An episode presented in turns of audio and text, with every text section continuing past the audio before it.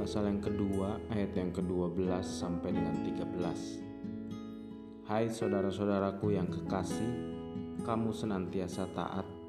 Karena itu tetaplah kerjakan keselamatanmu dengan takut dan gentar.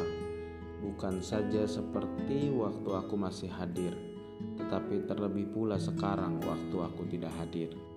Karena Allah lah yang mengerjakan di dalam kamu baik kemauan maupun pekerjaan menurut kerelaannya. Dalam perkembangan sejarah gereja, kita melihat bahwa gereja Tuhan terbagi dalam dua bagian ekstrim, yaitu legalisme dan antinomianisme.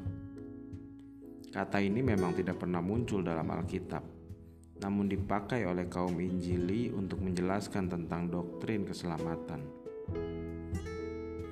Legalisme mengajarkan bahwa keselamatan dan berkat Tuhan ditentukan dari usaha manusia. Di sisi lain, antinomianisme meyakini bahwa orang Kristen tidak lagi terikat pada hukum Taurat. Di dalam Kristus, kita telah menerima semua berkat rohani, karena itu kita bebas berbuat apa saja. Teks kita hari ini merupakan salah satu teks yang paling eksplisit yang menyinggung tentang dua hal tadi. Paulus menasehati jemaat di Filipi untuk mengerjakan keselamatan mereka melalui ketaatan.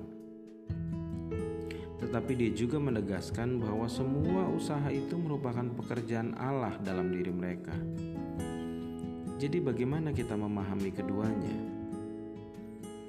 Ayat ke-12 yang tadi kita baca merupakan ayat yang tidak berdiri sendiri dia berhubungan dengan ayat 8 dan 9 di perikop sebelumnya yang menunjukkan kepada kita bahwa ketaatan pasti akan berbuah manis pada akhirnya.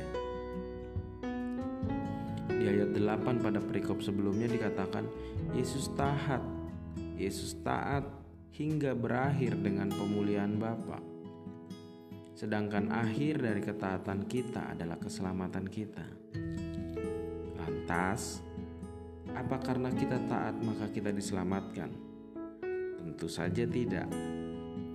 Pernyataan di atas tidak berarti bahwa ketaatan kita mengandung agenda tersembunyi untuk kepentingan kita. Tidak boleh motivasi dari ketaatan kita adalah berkat Tuhan. Orang sering kali dibingungkan dengan kalimat "tetaplah kerjakan keselamatanmu". Dan jika kita tidak menafsirkannya dengan benar, Seolah-olah ayat ini sedang berbicara tentang sebuah keselamatan yang dihasilkan karena kita hidup benar, karena kita hidup kudus, karena kita hidup saleh. Padahal ini merupakan pandangan legalisme dalam kekristenan. Ketaatan memang merupakan bagian dari mengerjakan keselamatan.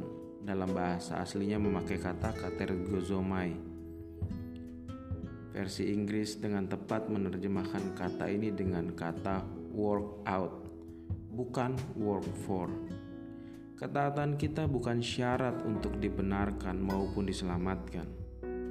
Kebenaran dan jaminan keselamatan sudah diberikan di awal lewat karya kenebusan Kristus yang menjadi landasannya. Ketaatan kita bukan syarat untuk dibenarkan maupun diselamatkan. Kebenaran dan jaminan keselamatan kita sudah diberikan di awal. Kesempurnaan karya penebusan Kristuslah yang menjadi landasannya. Ketika kita berpikir bahwa ketaatan kita membawa kita kepada keselamatan, maka kita akan kontra dengan ayat selanjutnya di mana Paulus menekankan bahwa Allah lah yang mengerjakan segala sesuatu di dalam kita.